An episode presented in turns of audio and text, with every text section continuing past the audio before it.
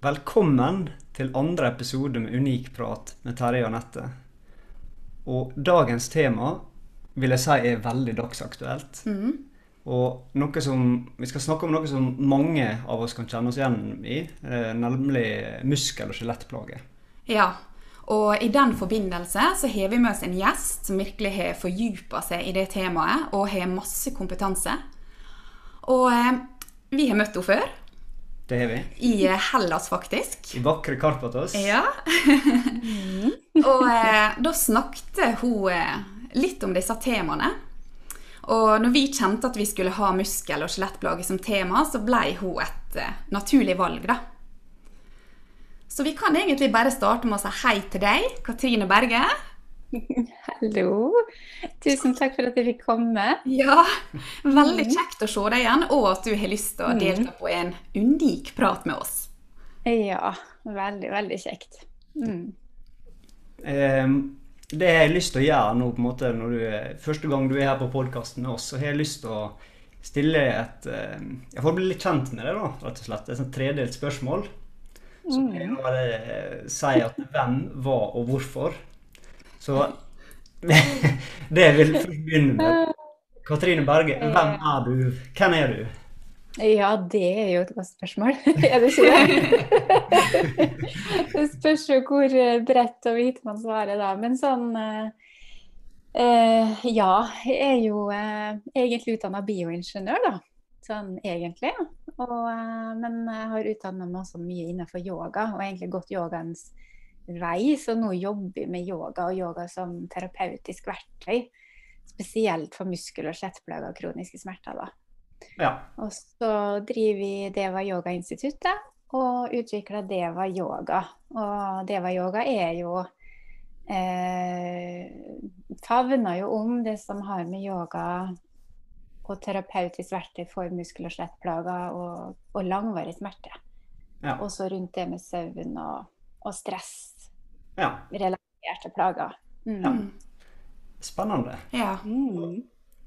Når du sier muskel- og skjelettplager, eh, hva er det som på en måte gjør det en så viktig sak for deg? Hvorfor er det det du på en måte bygde litt selskapet ditt rundt, da, om man kan si det sånn? Ja. Nei, altså I starten så pleide det bare sånn, skulle jeg til å si. Eh, Jeg utdanna meg jo til yogalærer etter hvert. Og, eh, og merka jo at når jeg hadde yogatimer, så var det veldig mange som kom på de timene som de kom til meg og sa du jeg har litt vondt her og vondt der, og jeg kan ikke gjøre den stillinga eller den stillinga, men men allikevel, de kjenner de gjør veldig veldig godt hvis de bare ikke gjør det, men de gjør det på den måten i stedet. Men, men det, det hjelper meg så innmari. Det var liksom det som var tilbakemeldingene, da. Og, og så tenkte jeg at da kan jeg nå kanskje bare, siden det er så mange dette her gjelder, så setter jeg opp ei gruppe der vi lar være å gjøre det som er litt sånn halsbrekkende, skulderstående, hodestående, men legger liksom yogaøvelsene litt mer ned, litt mer basic, litt enklere. Sånn at det blir faktisk tilgjengelig for alle. Ja. Eh, og da begynte ballen å rulle. Og da begynte vi også å jobbe sammen med fysioterapeuter og kiropraktorer, og jobba litt sammen med dem i forhold til muskel- og skjettplager og langvarig, eller kronisk smerte, som det også heter. Og, um, og så ble jo jeg uh, Trengte jo i det sjøl på et eller annet tidspunkt også. Ja. Mm. Og, uh, og det var da jeg liksom virkelig begynte å kjenne at uh, jøss, dette her er jo egentlig veldig bra. ja. Eh, og fikk tid til å skrive og fordype meg på en måte mer i faget, da. Og etter hvert så har faktisk faget blitt så fascinerende at eh, nå er det Ja, nå har det kommet dit at eh, fascinasjon for både kroppen og sammenheng med følelser og tanker og hvordan alt dette her egentlig fungerer, eh, har liksom driv litt fremover. Og yoga som verktøy er jo eh, ja, veldig effektivt, da. ja for det er, noe, det er noe tydeligvis at, tydelig at du har truffet et virkelig behov, da. Mm. Mm.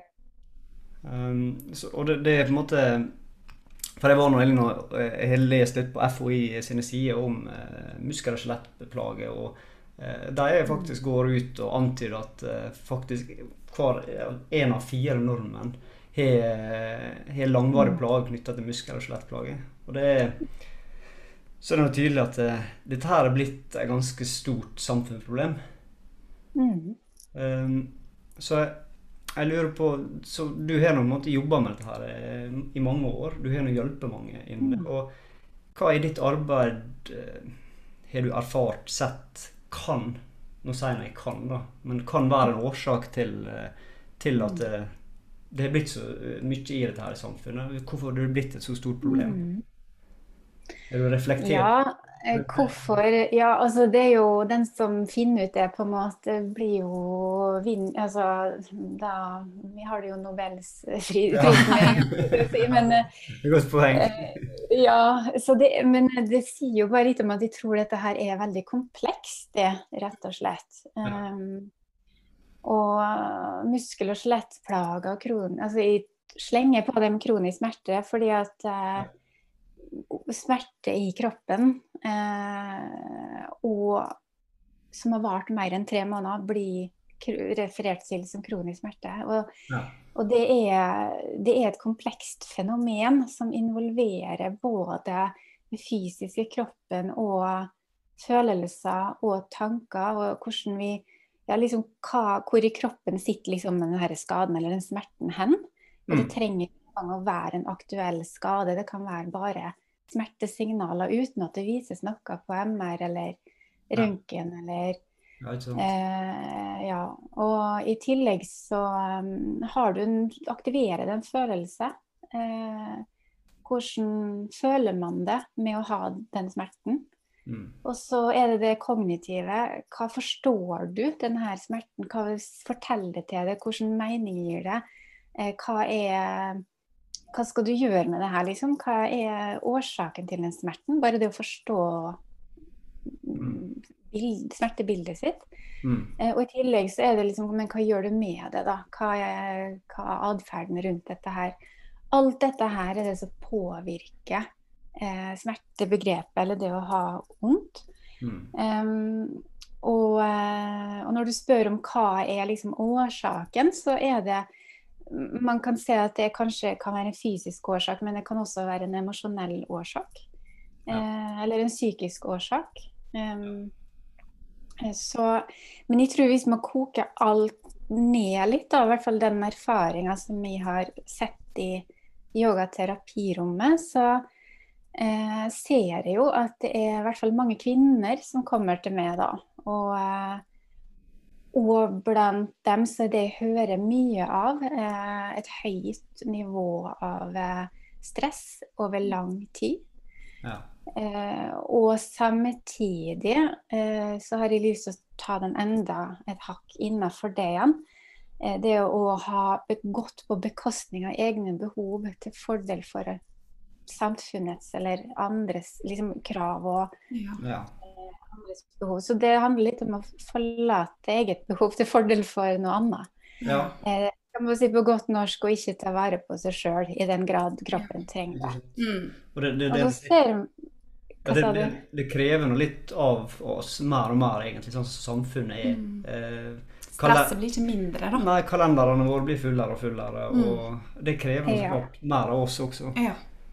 Så, Absolutt. Eh, Stress, eh, og forskning viser også at stress er en stor faktor. Og så ser vi også på det med eh, altså Hvis du ser rent biologisk på det, så har genmaterialet vårt siden steinaldertida bare endra seg med 0,02 promille. mm, Eh, men så lever vi jo i et helt annet samfunn i dag enn vi kanskje er laga for, sånn egentlig biologisk sett.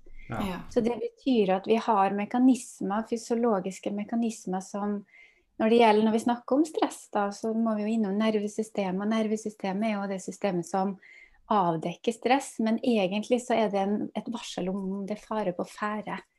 Eh, og så setter kroppen i gang masse mekanismer for å avverge faren. Mm. Og så eh, er man eh, i det livet at man kanskje ikke har noen direkte farer på ferde, liksom. Ja. Men allikevel så er det den beskjeden kroppen får. Og det er ofte også det som har med det som er smerte eh, i sin funksjon, så er jo det et signal om fare, egentlig. Og så er det et veldig viktig funksjon for å avdekke faren, for å overleve. Ja. Og da er vi Ja, det, det er interessant det du sier, da, for det er jo gjerne på en måte den sammenhengen mellom plagene og så kanskje livet vi lever, eller det livet vi har levd, da. Og eh, jeg ser at det er også noe du refererer en del til i arbeidet ditt, f.eks. når livet setter seg i kroppen. Ja. da. Mm. Og eh, jeg har sjøl virkelig fått oppleve hvordan tilbakeholdte eh, både følelser og opplevelser skaper dype spenningsmønster. da. Mm. Og ja Vår eh, erfaring, da, så jeg og Terje snakker masse om det, det at det er kropp, tanke og følelse det er grunnleggende. da. Fordi det henger sånn sammen. da. Og eh, vi ser at du har masse av de samme perspektivene eh, på en sånn problematikk. da. Og eh, tenker kanskje om du kan si litt mer hvorfor er det så viktig at vi ser helhetlig på det? Ja. Og eh, hvordan du jobber rundt det, da. Mm. Ja, nei, det er jo viktig fordi smerte er et eh, Prosesseres i hjernen. Både fysisk, emosjonelt mentalt. Mm. Så ser du bare på det fysiske, så ser du på en bit av hele smertebildet. Mm. Mm. Og, og det å Igjen, det du nevnte i sted med det med det kognitive og det fysiske og det å forstå liksom hva er greia her nå, hvordan føler du med det å ha vondt? Eh, hva gjør du med det? Eh, bare det atferden, tillært smert, smerteatferd. Ja. Mange av oss har kanskje hørt at ondt skal ondt fordrive. Mhm. Og uh, går på med krum rygg selv om Ja. ryggen er ond. Og. Eh, og så når smerten blir langvarig og kronisk, så betyr det at alarmsystemet har liksom gått i stå. da. Det er liksom en bilalarm som går, eh, bare går hele tida, uten at det skjer noe med det. Ja. Så, så, og da vil så, langvarig smerte kan endre kroppen sin måte å eh, jobbe med smerte på. Mm. Og det betyr at vi trenger å for det første å lære å forstå hva er dette her for noe. Eh, kanskje føle den følelsen man trenger å føle, som har satt seg i den muskulaturen eller i det bindevevet, og som har ført til de spenningene i kroppen. Ja. Kanskje utføre den fysiske bevegelsen som kroppen ikke har fått gjort, men som kroppen trenger å få gjøre fordi det relateres til den emosjonelle og kognitive um, logiske forlengelsen, på en måte. Vil si, hvis du oppfatter stress og, og fare, så er det naturlig å, å gjøre fysisk aktivitet og springe fort, liksom, eller bare avreagere. Men når vi sitter på kontor med møtestress og, og deadline-stress isteden, Mm. så har vi ikke den fysiske avreageringa. Så det lagret, blir lagra i kroppen. Ja. Ja. Og det er mange eh, Man kan snakke mye og mangt om dette her. Altså, gjør, altså på Ja, det er kjempestort tema. om dette her. Sånn, så nå blir, føler jeg det blir litt bare sånn å pirke Ja. litt i overflata. Men eh, så jobbe, jobbe med tilnærminga med både fra det fysiske og det emosjonelle, og i tillegg å forstå. Og i tillegg forstå at i dette tilfellet, når vi snakker langvarig smerte, eller kronisk smerte, som defineres til å være tre måneder eller mer Mange av dem vi møter, har jo hatt dette her i kanskje årevis. Ja. ja, ikke sant? Eh, ja. Og da betyr det at når du har vondt, så er det kanskje den naturlige kroppen sin måte å forstå det her på. Da skal du ikke bevege deg, for det vil øke smerten. Ja. Men i dette tilfellet så trenger man å bevege seg Mm. for å få, få løst eh, den eh, Eller fullført, da, kan du si. Ja. Den eh, bevegelsen, eller den emosjonelle eh, og mentale loopen som ble satt i gang, og som ikke fikk liksom, det fulle Ja. løpet. Det er som å stå, jeg bruker å si det er som å stå på startstreken på en sånn 10 000, eller hva det heter, 100 meter. Så du, så, når du ser på sånn OL og sånn, når de sitter som friidrett. Mm. Mm. Og så står de på startstreken, klar, helt sånn i helspenn. Ja. Ja. Og så skyter pistolen, nå skal du gå. Men så springer du ikke. Du bare Mm. står der. Ja. Veldig fint bilde. Ja. Mm. ja, men der sitter man. Altså, det blir stoppa Ja. før det får fullført hele loopen, da. Ja. Ja. ja. Så, og det er mye forskning også, jeg kan referere til mye forskning rundt dette her, for det begynner å komme en god del også, Mm. eh, som eh, sier noe om at det med å utdanne, eller gi kunnskap til vedkommende, er vel så viktig som å gi en øvelse, men det er også viktig. Mm. Eh, og det å redusere kortisolnivå, altså stressnivå, er viktig. Det å eh, øve opp liksom, hjernens evne til nylæring.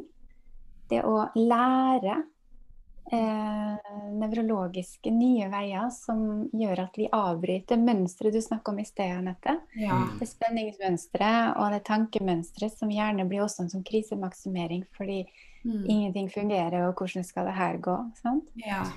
Eh, Det er noe- et Ja, det er noe egentlig en veldig tverrfaglig prosess, hele dette her. Mm, det er det. Alle Ja. ulike elementer for å Ja.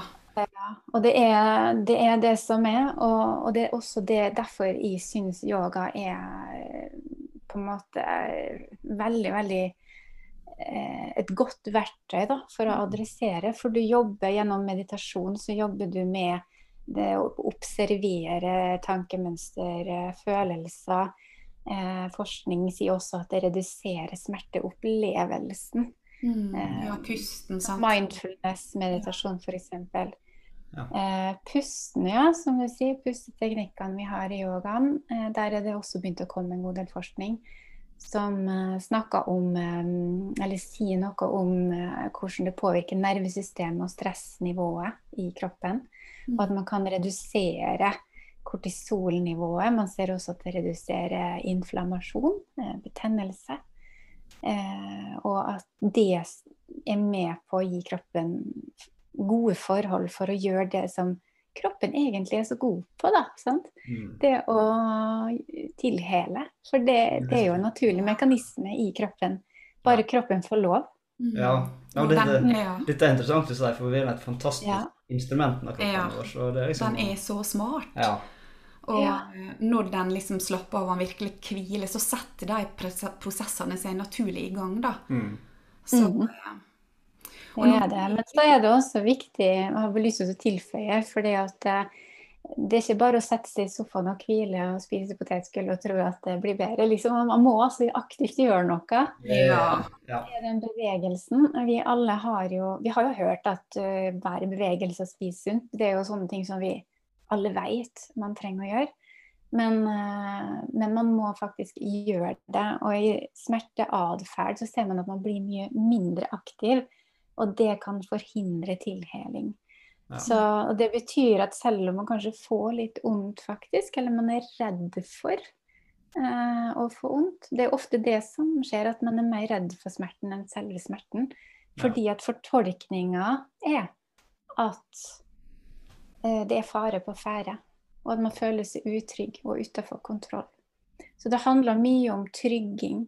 Mm. Og og, få kontroll og være i egen kraft, eget valg. Um, og der igjen så tenker jeg yoga, men også rolig yoga. For å, for å klare å henge med i svingene eh, kognitivt eller observativt.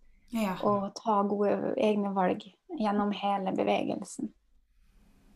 Og, og når vi er litt inne på det med stress og sånn, og, og for øvrig og sånn, da, så har vi lagt merke til at du snakker om eh, en muskel i arbeidet ditt. En veldig viktig muskel, og det hørte vi liksom litt om på Karpatos med. Ja, for, for meg på Karpatos, det var helt nytt for meg. på en måte. Eh, Den muskelen vi skal nå snakke om, er, var helt nytt for meg. Jeg visste ikke den eksisterte engang. Og hvor viktig den faktisk er. Mm. Så Og jeg har fått opplevd hva som virkelig skjer når den blir stram og forkorta. Og det er jo nemlig SOAS-muskelen, Katrine. Den snakker du en del om. Ja. Og eh, hvorfor legger du masse vekt på den i arbeidet ditt? Eh, ja. Eh, jeg møter jo mange mennesker med Når vi snakker om muskel- og skjelettplager, så er det jo en stor andel av dem som har noe som foregår i bekkenet, hoftene, korsryggen. Vi kan også føye til knær og ankler. Eh, vi kan også føye til stiv liksom, i diafragma, litt sånn midt, midt i ryggen, og vanskelig liksom, ordentlig for å puste. Eh, og så forplanta det så videre oppover i nakken. Og så psoas er jo en muskelgruppe som jeg personlig syns er litt um, underanerkjent, hvis man kan si det sånn. Ja, enig. Det blir jo ofte litt sånn oversett i den store sammenhengen. Eh, men den er en lang muskulatur som går på en måte helt fra midt i ryggen og helt til øverst på lårbeina, og som påvirker hvordan fysisk sett hofta, bekken og korsryggen har det, og funksjon. I tillegg til pusten, for den er også nært linka til pustemekanismene. Og du sa jo litt, Anette, at du hadde erfart eh, hvordan det er når den er kanskje litt stram og stiv og sånn. Så kan du kanskje si litt om det? Hva symptomene er?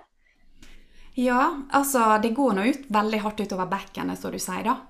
Mm. Og gjerne holdninga vil jo bli veldig påvirka. I hvert fall hvis den blir stram, så er det gjerne at han skyter gjerne bekkenet litt ut for å på en mm. måte kompensere. Og det gjør jo igjen at det blir masse vanskeligere å puste, da.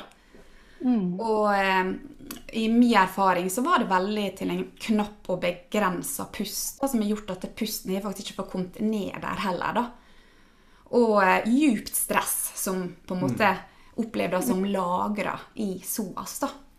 Mm. Så, ja, for eh, psoas er så nært knytta til nervesystemet. Ja. Eh, det er kjernemuskulaturen vår. liksom helt, den sørger for å stabilisere, at vi forholder oss til midtlinja vår. og at vi veit hva som er liksom nå er beina godt planta på gulvet, og her står vi stødig. Liksom den opplevelsen der ja. med liksom integritet og stødighet og fornemmelse av trygghet. Og, og så um, er den også Den er veldig nært knytta til trygghet via nervesystemet, og vi ser det i um, kan du si, den her overlevelsesrefleksen fordi den har Når den strammer seg, så drar den hofteleddet eh, Bøyer hofteleddet, dvs. Si at lårbeinet blir trukket oppover mot magen. Sant? Litt sånn man ligger i fosterstilling. Mm. Så den automatiske refleksen eh, i opplevelse av utrygghet eller fare eller utenfor kont kontroll, er jo at um, SOAS eh, gir den refleksen med å krøke seg fremover for å beskytte indre organer. Da. Ja.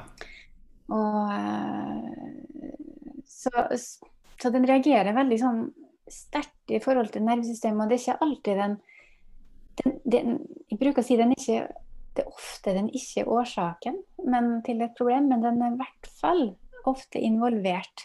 Ja. Og gjerne kan si litt om tilstanden, liksom den indre tilstanden til eh, trykket i nervesystemet. Jeg så eh, en artikkel jeg kalte det 'En muskel med følelser'. Så jeg syns det var mm. så eh, interessant benevnelse, da. Mm. Og eh, den er også blitt kalt sjelens muskel. Og eh, jeg har jo sett at mm. det pågår litt en diskusjon liksom, om eh, behandling av den. da. At eh, kanskje, og det er vel kanskje du med Katrine snakket litt om, at ikke bare mm tøye og bøye og liksom hard strekking, men viktigheten av å faktisk gå mykt frem og, og behandle den med varsomhet. Mm. Nettopp pga. at det, det, kan være masse følelser og opplevelser involvert i dette her. da. Absolutt. Absolutt. Og den er jo sant, Den går jo gjennom også et område rundt livmor og kjønnsorgan og fordøyelse, nyre, tarmer ligger også rundt psoas. Så, eh, men når det gjelder det med altså Det kan også sitte en del traumer i også det området her. En del uh, følelser som kan dukke opp i arbeidet med SOAS. Mm. Og det der jeg også tenker det er så viktig å tilnærme seg med en forståelse, en traumesensitiv forståelse. Det ja. er så viktig. Mm. Mm. Ja, det, de ser jeg også. Ja. og, og, og, det er derfor jeg, jeg tenker litt på uh, at du, Katrine Nå sa du det litt, men, men jeg så faktisk en setning du hadde skrevet, at det, det handler ikke om å trene hardere, men mykere. da. Mm. Og det er nå litt det du sier nå, da, om viktigheten ja. av at eh, For det er nå det du legger masse vekt på i det var yoga, Litt å ha en myk tilnærming. Mm. Absolutt. Eh, ja, det er viktig fordi en stor del av årsaken til muskel- og skjelettplager er også eh, relatert til traume. Mm. mm. Og størstedelen av dem er også kvinner. Mm. Ja. Så når du kommer inn i et rom og skal begynne å jobbe med muskel- og skjelettplager, så er det ofte mye mer sammensatt og komplekst enn eh, bare det onde kneet eller den onde hofta eller eh, ja, en muskel her som er eh, stram og som strammer i skuldra, på en måte. Det er en ofte mye mer som ligger under. Mm. Og det er så viktig at uh, vedkommende får eierskap til den prosessen som foregår der, og tar liksom ansvar for at nå, skal jeg, nå vil jeg utforske, uten å fordømme, men med kjærlighet, det som kroppen min har lagra, og hvorfor kroppen min trenger å mm. holde fortet. Ja. ja, akkurat. For mange ganger så har vi muskel- og skjelettplager uten at det er en uh, konkret skade i kroppen. Vi har bare vondt, da. Mm. Det er klart, det, man er jo, Jeg møter jo veldig mange av dem, og noen av dem sier jo hadde, hadde det bare vistes på, CT, eller på MR, mm. hadde det bare vært en sånn konkret ting så hadde de visst hva de skulle gjøre med det. Det, det hører jo ofte. Ja. Uh, og så er det så fortvilt at uh, alt er fint, men jeg har allikevel vondt i kroppen. Jeg veit ikke hva jeg skal gjøre med det. Ja. Og det er der man uh, kommer inn i da, i hvert fall yogarommet der jeg er, og blir invitert til å lytte åpne, ta opp telefonen og slå nummeret og si hei til seg sjøl. Mm. Hva er greia her nå? Hei, kroppen min. Hvorfor uh, mm. uh, holder du? Hva, hva trenger du? Ja. Mm, hva holder spenningene, sant? Ja. ja. Veldig interessant. Og hva, ja. Mm. Jeg, jeg syns det, det, dere, det dere snakker om nå, er veldig interessant. Da. Det, og jeg, jeg, jeg, tenker litt sånn Du, Katrine, som eh, hjelper så mye inn i dette her. Du, du sa nå også at du jobber både med fysioterapeuter og tyvepraktorer. og Mm. Som samfunn trenger, trenger det mer kunnskap om dette her for øvrig? Mm. Ja, jeg, helt klart. Jeg mener det. Ja. Jeg er i fare for å tråkke midt i et vepsebol av ulike meninger i fagmiljøene. Ja. ja. respektere det. At det er ulike tilnærminger og ulike meninger. Det, det er lov å ha ulike meninger og tilnærminger. Og, og det har jeg òg. Og nå spurte du meg, så nå sier jeg ja, helt mm. klart, min mening. Ja. Og det er rett og slett fordi at uh, vi lever i det samfunnet vi lever i som uh, er kanskje ikke det kroppen vår er laga for i utgangspunktet. Samtidig som altså Her kommer du inn litt på den her feminine, kollektive historiske traumer som vi snakker også litt høyt om. Uh, at vi gjennom arv arve eh, våre formødres eh, traumer. Som f.eks. å bli avskåret fra å ha stemmerett. Og mm. veldig mange som kommer ut med liksom vondt i nakke og skuldre og eh, i på en måte området rundt halsen og nakken og skuldrene og øvre rygg. Eh, når du ber dem om å si hva, hva mener du om det her, eller kan du synge, kan du bruke stemmen din, representere deg sjøl med stemmen, så låser det seg helt. Mm. Ja. Eh, og, det, og, så er det liksom ingen sånn Veldig ofte så Det kan hende det har skjedd noe i det her livet som gjør at du har fått beskjed om at det ikke er OK å si akkurat hva du mener, for du har fått veldig mye eh, liksom store reaksjoner tilbake på det. Mm. Men, eh, men, vi har også en historie med at vi bare i Norge, mest likestilte landet i verden, en av dem i hvert fall, mm. fikk kvinner stemmerett bare for, i et historisk perspektiv for en sånn fem sekunder siden. Og så har vi århundrer bakover med undertrykkelse og eh, ja, avskåre retten til eie rett over egen kropp. Eh, avskåre rett til å ha en stemme og en mening. Mm. Eh, og avskåre rett til å utfolde oss kreativt og fullt og helt med den vi er. Så vi eh, har lært oss å tilpasse oss eh, i generasjoner. Og det er der jeg kommer, kan komme tilbake til noe av det første jeg sa. Det å forlate egne behov til fordel for samfunnets kulturer og normer. Mm. Der er vi kvinner bare kjempegode. Mm. Epigenetikken sier jo også noe om dette at vi kan arve eh, traumer i generasjoner. Så, så, vi kan på en måte si Vi kan i hvert fall ikke si at det er ikke stemmer. Jeg, jeg vil heller ta eh, i betraktning at det er en av innfallsvinklene inn i det yogaterapirommet når vi snakker om muskel- og skjelettplager. Mm. Mm. Mm. Ja, men opplever du når du er måtte, si, i terapirommet, da, måtte, ja. der du har jobba med Får du på en måte eh, Føler du at du de får på en måte en større forståelse av sammenhengene for plagene sine? Altså At det kanskje se vekk litt fra at det mm. handler bare om sittestillinga foran PC-en. da. Mm. Det jeg opplever i alle fall er at det er bare det at vi setter ord på det, eh, at det innebærer en mye større aksept. Eh, at de, det er akkurat som det gir en tillatelse for å akseptere sjøl. Å ja, uh.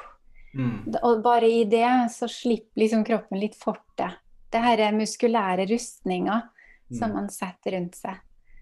Eh, det, så jeg opplever i veldig stor grad at det å både å altså Jeg tenker utdanne, gi økt kunnskap. Eh, både forstå seg sjøl og er, valg man har, man har, tatt som bidrar til muskelhetsplager, men også eh, hva egentlig som skjer i kroppen. Altså rent fysiologisk og nevrologisk. Og også hvordan har man lært å manøvrere smerte. Kanskje har man lært å bare gå på med krum hals. Ja, ja, og kanskje var det ikke det helt som kroppen trengte. Eh, eller kanskje har man lært å bare legge seg ned liksom, og ikke gjøre noen ting. Og så kanskje trenger man heller å komme seg mer i bevegelse. Så det å forstå det og ha innsikt er veldig viktig. Ja. Det kan, kanskje den vonde nakken eller smerter i ryggen kanskje kan handle om noe annet mm. enn bare sittestilling eller mm. trening, da. Mm. mm. At de forstår at ok, kanskje det kan handle om du nevner stemme og undertrykkelse og følelser og rustninger og Nei, det er ja. interessant, altså. Mm. Ja, det er kjempeinteressant. Og der eh, har vi jo eh, et, mange ulike liksom, tema vi kan relatere til ulike steder av kroppen. da. Mm. Eh, sånn som rundt hjertet, som handler om det å ha tilgang til egne følelser, eller det å føle og være til stede emosjonelt. Det å åpne hjertet sitt for å få kontakt med andre og skape den relasjonen, sånn, sånn som vi sitter nå og snakker sammen. Vi Vi kan sitte her og være, føle litt sånn dyp kontakt med hverandre. Eller vi kan sitte og ha en samtale, men vi kan også føle oss helt sånn avskåret mm, fra hverandre uten noe kontakt. Og det, det, er liksom hjertet som står for. Og, og, kanskje har man også opplevd at man har blitt såra, eller man må beskytte seg og lukke liksom. Mm. Og det kan vi se også på spenninga rundt ribbeina i uh, ja, spesielt brystet og, og bak under skulderbladene, mellom skulderbladene. Mm. er jo veldig mm, Ja. veldig veldig, Ja. men, det, men, men jeg bare tenker på sånn For du var litt inne på det tidligere med forskning. For, mm. for jeg, jeg og Anette syns det, vi, vi synes det er veldig interessant på en måte der, der på en måte Østens filosofi er Nå er dere begge yogalærere. Både du, Anette, og du, Katrin. Og, og vi er nå på en måte Vestlig sett så liker vi litt mer konkrete ting. Vi liker å, å, å kunne kanskje ta og føle litt mer på Sånn er det. Eh, og du, er du skriver nok på nettsiden din at Deva-yoga er på en måte en tusenårig erfaring basert praksis støtta av nyere forskning. Kan du si litt om det? Mm. Altså, det jeg mener med det, at yoga er en erfaringsbasert praksis gjennom uh, noen tusen år. Eh, det er ikke at deva-yoga har eksistert i tusenvis av år, det har det ikke. det er nå bare et navn. Ja, det. Men yoga eh, som praksis og har gått eh, eh, sant? fra læremester til elev, muntlig praksis gjennom tidene.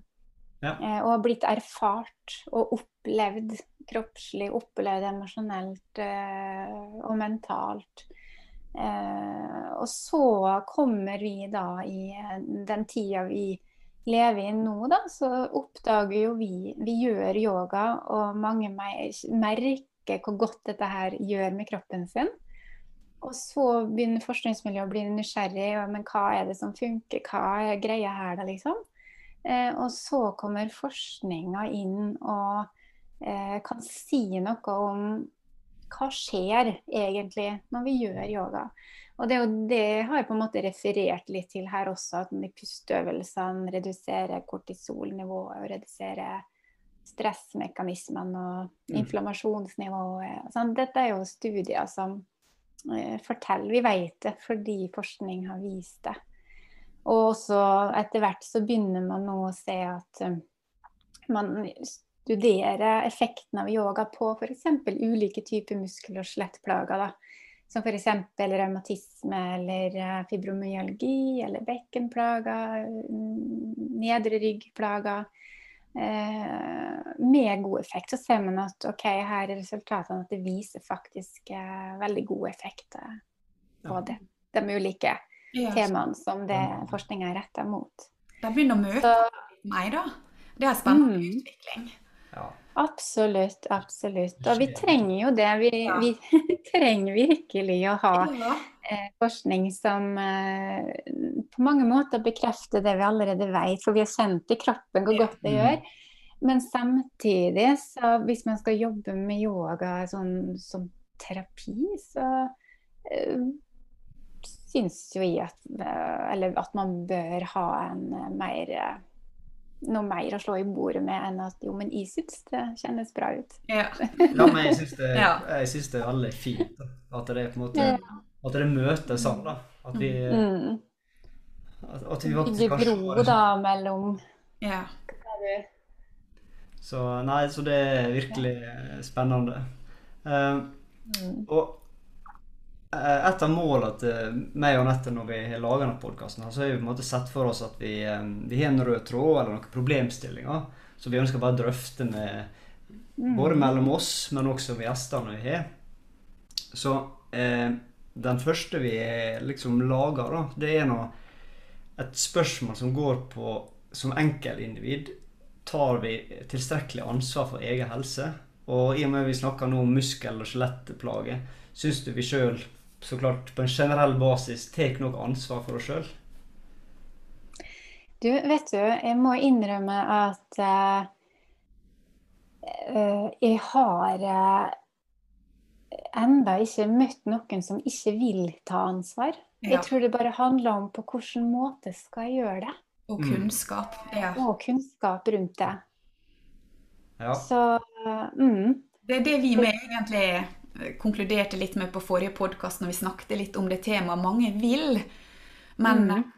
de veit kanskje ikke helt. Altså det handler litt Så må vi da tilbake til kunnskap, da. mm, er faktisk det. Ja.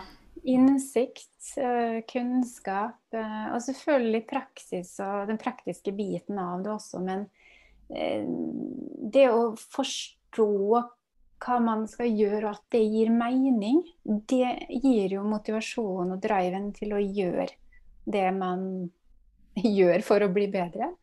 Eh, og det å vite hva er det som vi trenger å gjøre. Eh, fortell meg hva jeg skal gjøre, så gjør jeg det, liksom. Ja. Ja.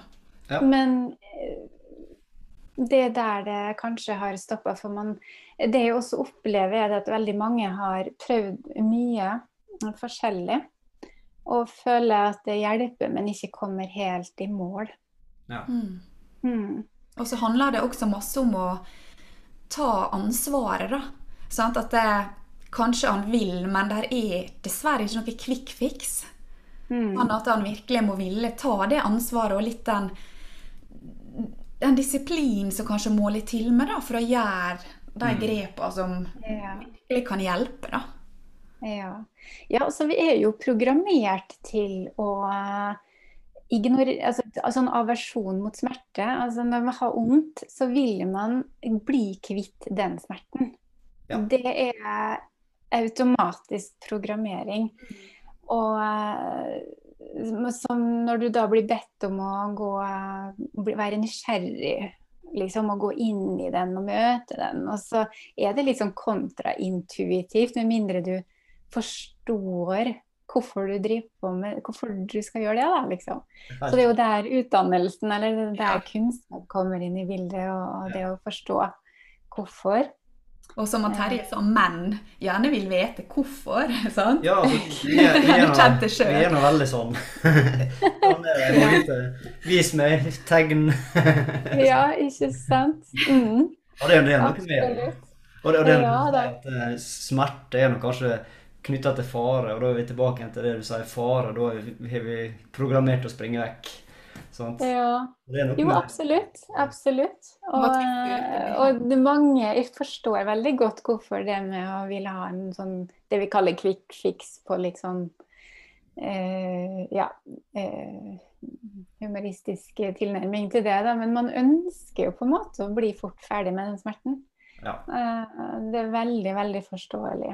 Og så tenker jeg også at eh, i forhold til i hvert fall langvarig smerte, så er det ikke alltid, veldig sjeldent, at det finnes den raske løsninga. For det har kanskje også tatt lang tid før man kommer dit.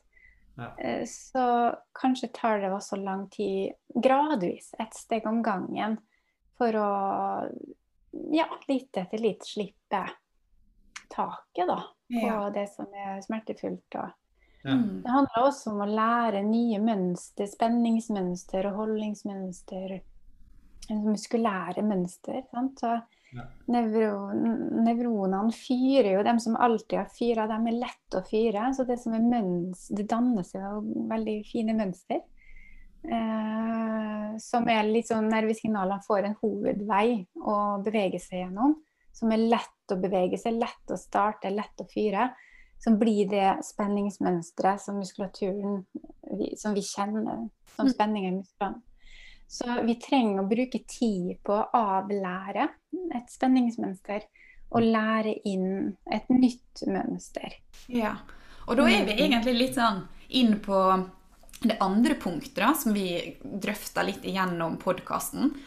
Og det er jo det at eh, vi er jo, som du, opptatt av det med hjelp til selvhjelp.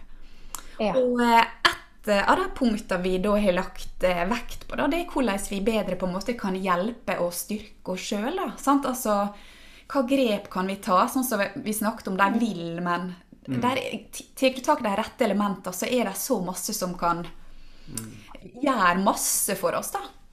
Mm. Det enkle kan ofte være det beste også. Ja. Det er noe det med. ja. Så har du Ja. noen tips, eh, Katrine, hva, hva vi kan gjøre? Hvor vi skal begynne? Du er sikkert mange. Ja, det spørs litt hvor Altså, det er jo vanskelig å gi et tips one size fits all, skulle jeg si. Ja. Det er jo I og med at dette er såpass komplekst, da. Men jeg tror man starter veldig godt og bra hvis man starter med det å redusere stressbelastninga i hverdagen sin. Mm. Og legge inn rom til å bare få lov å være, for, være sjøl, seg sjøl. Mm. Puste, eh, gå tur, Ja. eh, hva nå enn det er du trenger, på en måte. Så er det et rom for det, til å gjøre det, det du trenger, det kroppen din trenger. Mm. Om det er å sove, eller om det er å springe på fjellet, eller om det er å gjøre yoga, eller å meditere, eller trene. Så i hvert fall skape seg en hverdag som gjør at man får mulighet til å regulere, nedregulere stressaktiveringa i nervesystemet. Ja. Det tenker jeg er i hvert fall som første bud. Eh, Og så kan man eh, derifra gå mye mer spesifikt inn og jobbe liksom, med yogametodene. Ja. eh, For å få den effekten man ønsker, som er liksom spesielt for det man egentlig er plaga med. Da. Men der er det kanskje også at man trenger, trenger hjelp, kanskje fra fysioterapeut eller yogaterapeut, eller noen som har kompetansen til det. Mm. Så det å oppsøke hjelp også, tenker jeg er viktig. Man må være litt kritisk også til den man søker hjelp hos. Stille gode spørsmål. Mm. ja. ja, men dette var gode tips. Absolutt. Ja. Virkelig. Og det er jo det som vi har sagt litt gjennom hele praten her, det er store tema. Og Ja, jeg tror vi Mhm. kunne ha snakka så masse om så mange tema her. Ja, det, det er helt sant. Eh, Det er litt som å pirke litt i overflata, for det, det er som du sier, veldig store temaer. Ja. Og, eh, og det er jo ting som uh, har jo en hel yogautdannelse med én modul på bare pusten. Liksom tre Ja. dager med bare å snakke om pust. Så det er Ja, man kan gå dypt og langt inn i dette der, men eh, jeg håper virkelig at den som lytter på, da, har fått noen gode ja. eh, råd med seg likevel, da. Det, det er det som er at det blir satt fokus, det blir satt fokus på å prate om. ja. Og det er det det trengs mer, da. Ja, for en av hjertesakene våre er liksom å vise litt dette der eh, fysisk helse er psykisk helse og omvendt. da. Mm. Mm. Gjennom de ulike temaene, at vi får vist litt forståelse hvordan det henger sammen og påvirker hverandre. da. Uansett kanskje hva type plage eller hva tema det er vi kommer til å gå inn på. da. Ja, ulike perspektiv Ja. på ting også, da. Mm. Og eh, du har bidratt med et kjempeviktig perspektiv, Katrine. Og du har masse bra og god kunnskap som vi er er veldig glad for at du vil dele her med oss. da. Ja. Mm. Tusen takk for at jeg fikk lov å komme og dele med dere. Ja. Mm. Nei, men eh, da tror jeg vi begynner å bli til en naturlig avslutning. ja, jeg tror det. Så eh, Runde av et stort tema og bare lande i det her, da. det Mm. var i hvert fall utrolig kjekt at du var med oss. Så eh, Du må fortsette det gode arbeidet, Katrine. Takk skal dere ha. Tusen hjertelig. Og dere også. Virkelig. Mm. Heia på dere. Ja, tusen Takk takk. likeså. Så eh, prates vi plutselig igjen. Det gjør vi. Takk for nå. Takk for praten. Ha det.